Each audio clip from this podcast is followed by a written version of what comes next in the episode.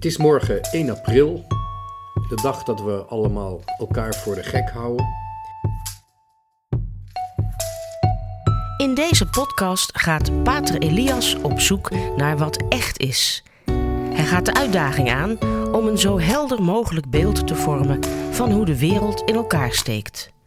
Dit is de Pater Podcast.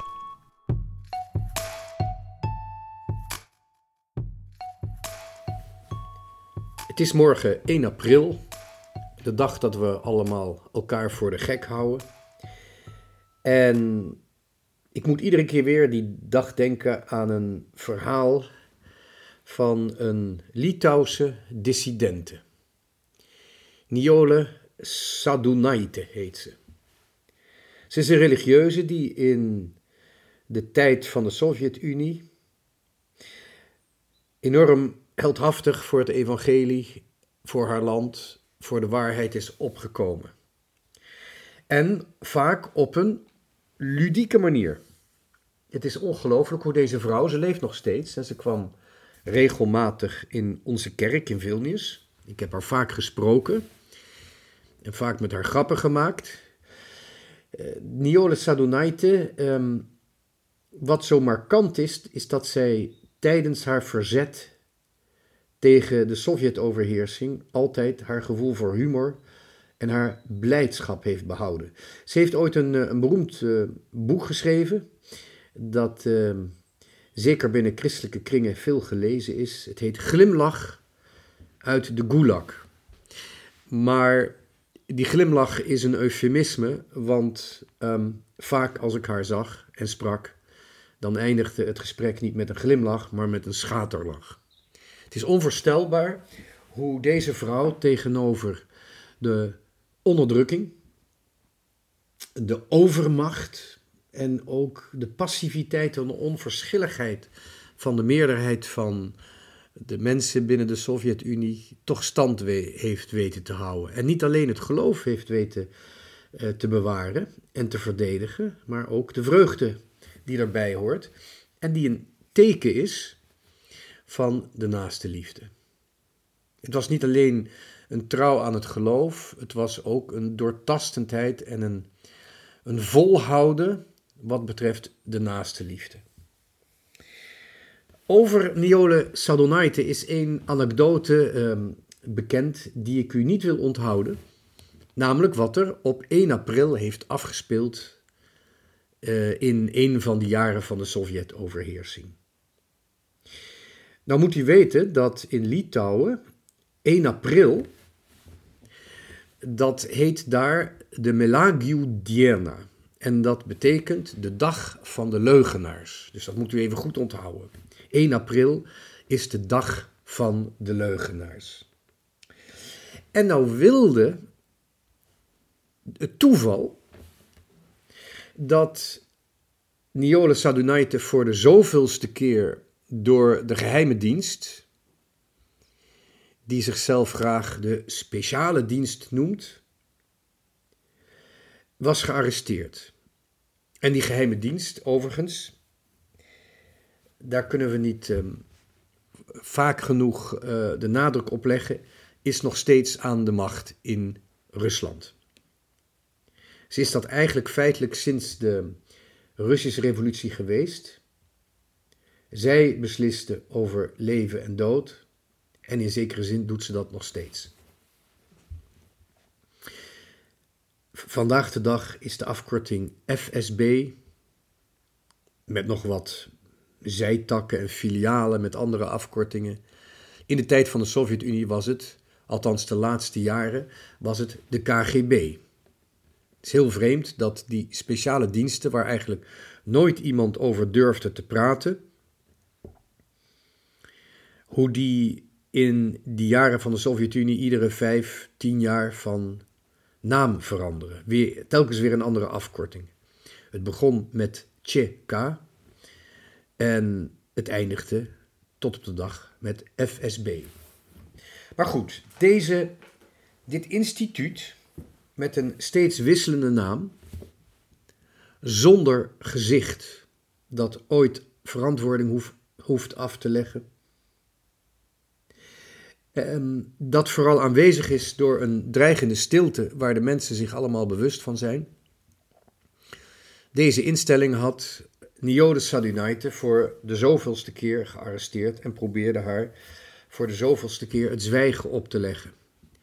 Op die 1 april, een van de jaren van de Sovjet-overheersing. En zij kwam dus op 1 april in de armen, of tussen twee, ehm, niet in de armen, maar aan de arm van twee agenten, kwam zij het hoofdkwartier van de KGB binnen in Vilnius. Nou is, wanneer je naar Moskou gaat, zie je daar het hoofdkwartier van de FSB. Dat staat op Lubjanka-plein en het heet dan ook eigenlijk, het is het begrip Lubjanka, is, uh, is, betekent zoveel als FSB. Het is gewoon een, een plein, een voormalig hotel ook in Moskou, Lubjanka, maar het is het hoofdkwartier van de FSB, van de speciale diensten. En wat je opvalt bij die afschuwelijk lelijke gebouwen, waarin dit agentschap, uh, dit hier uh, gevestigd is, zie je dat het grote, lelijke, dreigende gebouwen zijn met bovendien kleine deurtjes. Een aantal, niet één grote feestelijke ingang, maar een aantal kleine, bijna lugubere ingangetjes, zodat het ook niet echt duidelijk is wie erin en wie eruit gaan. Overigens, in iedere beetje provinciestad in Rusland um, is vaak het meest moderne of het meest onderhouden gebouw is van de FSB. FSB oefent een soort van vaderschap over het land uit, dat eigenlijk vooral betekent echt vaderschap voorkomen. Geestelijk vaderschap of in het gezin. Dat wordt gecontroleerd door de geheime dienst. In Litouwen is het gebouw, of althans in Vilnius, is het gebouw van de KGB een beetje verschillend, omdat het een mooi gebouw is met een grote vorstelijke ingang. En dat komt omdat het gebouw van de voormalige eh, KGB, het, is op het ogenblik overigens een rechtszaal, een, een, een, een rechtbank, um, waar. Wanneer je uh, in hoger beroep gaat, je rechtszaak wordt behandeld. Maar dat was voor de, de komst van de Sovjets, voor de Tweede Wereldoorlog, was dat het conservatorium. Naar ik me goed herinner. Niet, in ieder geval een gebouw dat niks met de politie te maken had. Het was gewoon een mooi, um, ja, bijna een paleis. Met dus een mooie marmeren ingang, uh, mooie gang, grote, grote trappen, huis. Dus het is een mooi monumentaal pand en daar kwam Niole Sadunaite dus tussen twee agenten van de geheime dienst kwam ze binnen. En in dit ongewone KGB-gebouw gaat natuurlijk niemand naar binnen die gaat natuurlijk niemand binnen met een vrolijk gezicht. Iedereen die werd gearresteerd was bang voor wat er zou gebeuren beneden in de martelkelder. En iedereen die arresteerde, iedereen die actief KGB'er was, die was natuurlijk ook bang, maar meer voor degene die boven stonden en hun bevelen en wat ze voor plannen hadden. En ook wanneer ze zelf hogere rangen hadden binnen de KGB, waren ze eigenlijk bang voor iedereen. Niet alleen de mensen boven hun, maar ook de mensen onder hun, of ze die wel konden vertrouwen. En hoe de mensen zouden reageren op straat als ze wisten dat ze voor de KGB werkten. De KGB, net als de FSB vandaag, werd en wordt geregeerd door de angst. Een angst die goed verborgen wordt, net zoals hun eigen plannen, maar het is toch vooral de angst. Daarom is het ook heel opmerkelijk dat Niode Sadunaite, toen ze daar in die gang binnenkwam, ineens iedereen luidkeels begon te feliciteren. Gefeliciteerd iedereen en dat schalt heerlijk door die marmeren gang. Ik ben er zelf geweest, want ik in die gang. Uh, want ik heb uh, za rechtszaken bijgewoond op deze, in deze rechtbank, rechtbank. Dus ik ken het gebouw. Niet alleen de kelder waar nu het KGB-museum is gevestigd. En wat ik meerdere malen heb bezocht. Um, maar ook het bovendeel van het gebouw, waar die rechtbank is. En dat moet flink geschald hebben. Die felicitaties van Niolen Sadonaite. Gefeliciteerd iedereen. Prettig feest. Vier het maar fijn. En in zo'n klimaat is het natuurlijk moeilijk voor te stellen hoe dat, wat dat voor reactie teweeg heeft gebracht. Waar iedereen bang is en de angst verbergt achter een façade van macht. Daar um, moet dat een flink effect hebben gehad. En een aantal van de mensen vroegen dan ook aan Niole, maar waarom feliciteer je ons? Wat is er aan de hand? Waarop Niole zei, ja, het is vandaag Melagiu Diena. Het is het feest van de leugenaars. Dus het is jullie feest. Daarna, ik weet niet hoe lang Niole Sadonaite die keer gevangen heeft gezeten of verhoord is geweest, maar één ding weet ik zeker. Degenen die haar verhoord hebben, hebben daar waarschijnlijk geen goede herinneringen aan overgehouden. Want niet alleen konden ze haar vreugde en haar naaste liefde niet onderdrukken, maar ze bleef ook iedereen altijd hartstochtelijk en standvastig aan de waarheid herinneren. En het moet geen prettige ervaring zijn geweest voor deze KGB-agent. Ik sluit zelfs niet uit dat er een aantal nog psychologische problemen hebben overgehouden, psychiatrische problemen hebben overgehouden aan de gesprekken die zij moesten voeren met Niole Sadunaite. Vandaag de dag, nu de oorlog raast, sta ik er eigenlijk over verbaasd hoe men het regime in, in Rusland nog serieus neemt. Wanneer de Russen zeggen dat ze hun doel hebben bereikt in Oekraïne en nu een andere uh, strategie gaan volgen, een ander doel gaan nastreven, dan wordt dat oprecht door sommige mensen geloofd. Wanneer de Russen zeggen dat ze geslaagd zijn, terwijl alle tekenen het tegendeel bewijzen, dan is dat volstrekt volstrekt voorspelbaar. Nooit zal publiekelijk verlies worden toegegeven. Het is wat dat betreft precies als in de bekende roman 1984, oftewel 1984 van George Orwell. Het ministerie van de waarheid verkondigt alleen maar leugens.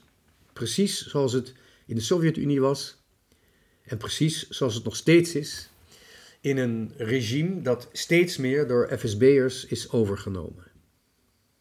Net zo goed als in de Sovjet-Unie de krant De Waarheid eigenlijk vol stond met leugens.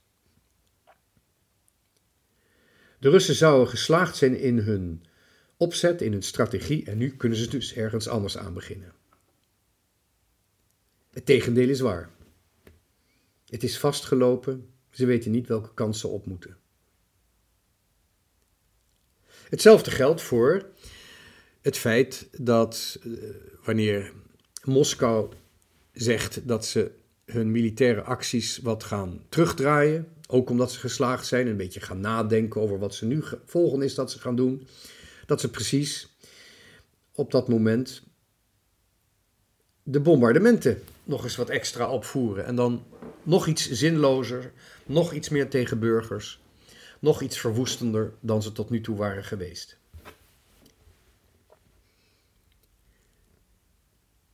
Wat er ook gebeurt aan beide kanten, maar dit is echt een oorlog die vanuit de kopstukken van de geheime dienst in Rusland wordt gevoerd. En het is heel moeilijk om hun psychologie te begrijpen. Wat gaat er in hun om? Zij die zijn helemaal gevormd in een instituut dat eigenlijk in het Rusland, het moderne Rusland, zeker vanaf de Russische revolutie, eigenlijk de monopoliepositie heeft gehad over het rationele denken. Vanaf het moment dat de Tjerka, dat is de eerste naam van de geheime diensten, van de speciale diensten, zoals ze in Rusland graag worden genoemd. Vanaf dat moment dat de Tjerka werd opgericht, hadden zij eigenlijk het monopolie over het rationeel denken. Ze waren misschien niet de enige die mochten rationeel denken, maar ze waren wel degene die beslisten in hoeverre rationeel denken mocht, mogelijk was. Wanneer je met je technische kennis een atoombom, atoombom kon maken, mag, doe het maar. Heel goed, goed idee. De mensen die dat deden moesten wel in aparte steden wonen, helemaal geïsoleerd van de rest van Rusland, met speciale producten, speciale privileges binnen hun eigen wereldje. Maar ze mochten daar niet buiten komen. En de buitenwereld mocht ook niet weten wat daar gebeurde. Niet alleen hoe die atoombom werd gemaakt, dat dat geheim is, kan ik me heel goed begrijpen, maar ook hoe die mensen leefden. De mooiere zwembaden, meer eten, lekkerder eten, mooiere sportverenigingen, betere wegen, alles gewoon beter. Dat moest geheim blijven. Kon je met rationeel denken een goed diplomaat worden? Goed zo, goede zaak. Maar je werd wel je hele leven uitermate goed in de gaten gehouden, want als diplomaat moest je reizen. En dan kom ik bij de grootste bedreiging voor de machthebbers in de speciale diensten. De machthebbers van Lubjanka. Wat was de grootste bedreiging voor hun? De buitenwereld. Soldaten die in Oost-Europa waren geplaatst, waren uitgezonden, zoals in Polen of Hongarije, Tsjechoslowakije. Die soldaten zag je niet zoveel. Je kon eigenlijk in, Oost, in Midden-Europa kon je rondreizen zonder veel te merken van de Russische soldaten die daar aanwezig waren.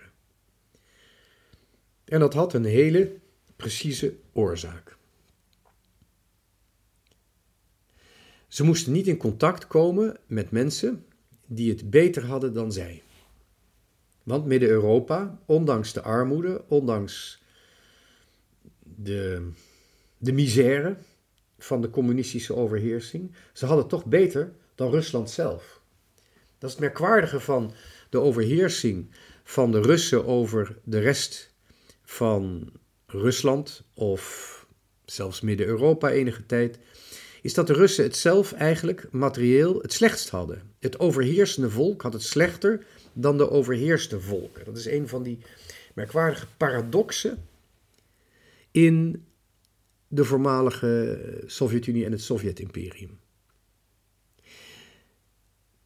Die soldaten moesten niet in aanraking komen met landen waar het beter was.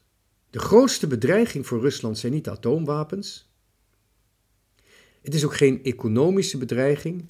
Het is doodgewoon de kennis van het leven zoals het elders is. Dat is de grootste bedreiging. Vandaar ook dat ook nu weer de dienstplichtigen die worden uitgezonden naar de Oekraïne vanuit Rusland, dat die vaak ofwel uit uithoeken komen van Rusland, uit Siberië, helemaal of ergens achter in de Oeral, en dan ook nog uit kleine dorpen. Dat wil zeggen, als ze sneuvelen, als ze dood zijn, ja, is dat weinig nieuws, want het zijn maar boerenjongens uit gehuchten ergens achterin. En het zijn ook mensen uit milieus en streken die eigenlijk weinig kwaad kunnen als ze thuis gaan vertellen wat ze hebben gezien. Vandaar ook dat er veel, veel gestolen wordt. Veel ja, onbegrip is van Russische soldaten voor wat zij zien in de Oekraïne. Oekraïne mag dan een van de armste landen zijn in Europa, maar de rijkdom is toch relatief groter, zelfs op het platteland, dan achterin Rusland. En de grootste bedreiging voor Rusland is te weten wat er buiten Rusland gebeurt. En het is dus ook een grote bedreiging voor Rusland om welvarende landen aan zijn grenzen te hebben. Hoe dit zich verder zal ontwikkelen, weet niemand. Maar zolang Rusland vanuit Lubjanka of veteranen van Lubjanka wordt geregeerd, hoef je er weinig hel van te verwachten. Behalve dan, en dat geldt allereerst voor het christendom in de Oekraïne, maar ik hoop uiteindelijk ook in Rusland, behalve dan van wat er uit het christendom vanuit de verschillende kerken kan voortkomen. De ziel van Europa is het christendom. Je zou nog lang kunnen uitweiden over de staat van het christendom in Rusland, omdat de Russische kerk helaas helemaal eigenlijk is geabsorbeerd in de ideologie die vanuit Lubjanka is geformuleerd als wat Rusland moet worden en wat Rusland moet zijn, wat Rusland is en wat Rusland geweest is. Want de ideologie waarmee de huidige machthebbers proberen Rusland bijeen te houden, is heel erg gebaseerd op een fictief verleden. Over een Rusland dat nooit zo glorieus bestaan heeft als het nu wordt afgeschilderd. Wat dat betreft kun je Poetin wel vergelijken met veel rechtse populisten en met name met Benito Mussolini, de stichter van het fascisme in Italië. De ideologie van het huidige Rusland kun je, wat dat betreft, het, het, slavo-fascisme noemen. Het is een terugblik op een verleden dat nooit echt bestaan heeft en een poging om het, het christendom en de christelijke traditie tot een tot een instrument te maken van die, van die utopische politiek. Dat zie je heel duidelijk wanneer je kijkt en luistert naar de patriarch van Moskou, Kirill, die overigens zelf een hoge officier is van de geheime dienst, van de speciale dienst. Het is bijna meelijwekkend om te zien hoe deze FSB officier, verkleed als patriarch, het Westen de les leest en volledig een instrument is geworden van de Poetinse propaganda. Of onze lieve Heer hem ziet als patriarch en ook behandelt en respecteert als patriarch, ik hoop het voor hem. Maar wanneer ik kijk naar het leven van de christenen in de Oekraïne en de verschillende kerken die daar proberen een waarachtige richting aan hun christendom te geven, dan vind ik dat allereerst ons, ons medeleven, onze compassie, onze barmhartigheid naar hun moet uitgaan. Omdat van orthodox tot katholiek En misschien ook moslims, maar die zijn er niet zoveel in de Oekraïne. Of protestanten zijn er ook niet zoveel. Maar in ieder geval dat hele wijde scala van christenen in de Oekraïne ziet nu dat hun land kapot wordt geschoten, omdat zij allemaal hebben geprobeerd om hun christendom onafhankelijker te maken van zeg maar, die monopolie op het rationele denken van Lubjanka. Die hebben allemaal geprobeerd te ontsnappen van dat, van die controle van de geheime dienst. Vandaar ook dat veel orthodoxen, die oorspronkelijk bij Rusland hoorden, bij Moskou, dat die zich onafhankelijk hebben gemaakt. Dat is geen westerse, kapitalistische, fascistische of nazistische intrigue. Dat is gewoon een gevolg van het feit dat ze in Christus geloven, het vlees geworden woord.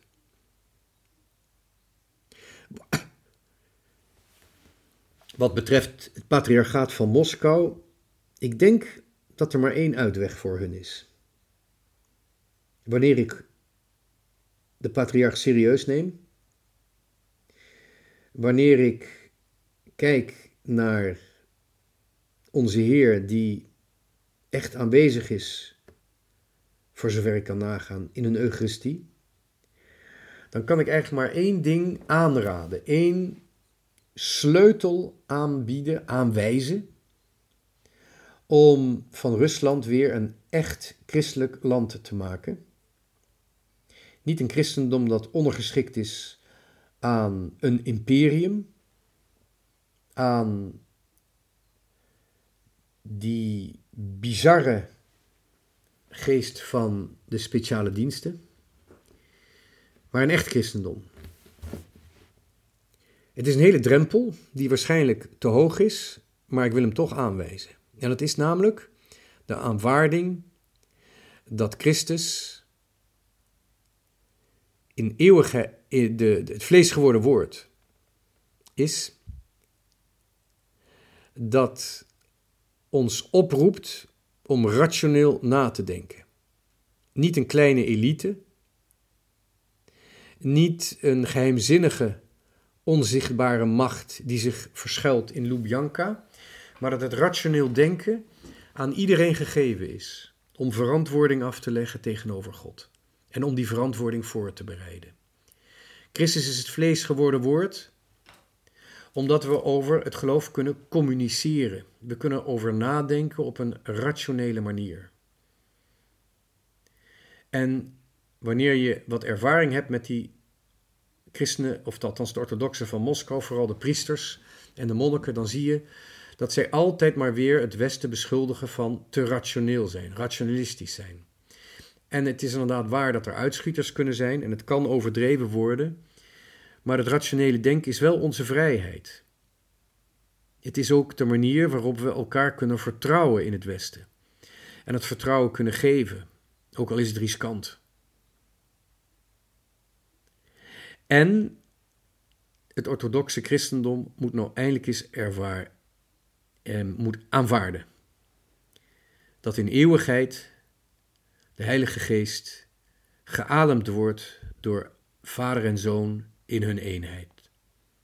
U begrijpt het, de Heilige Geest komt voort uit de Vader en de Zoon, oftewel het dogma van het filioque.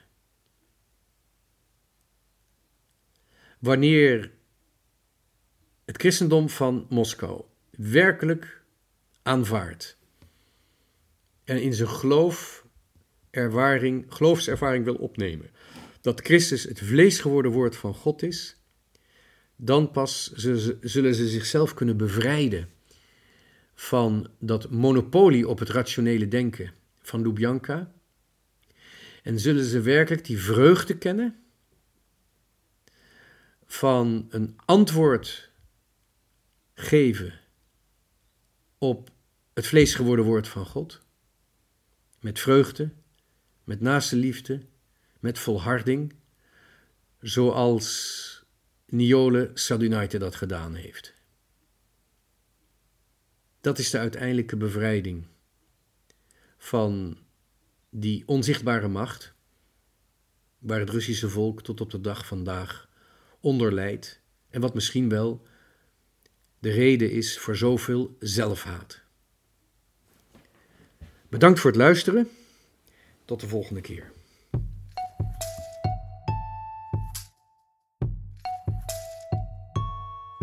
Dit was de Radio Maria Pater Podcast met Pater Elias. Deze podcast is online terug te luisteren via de website van Radio Maria en andere podcastplatforms.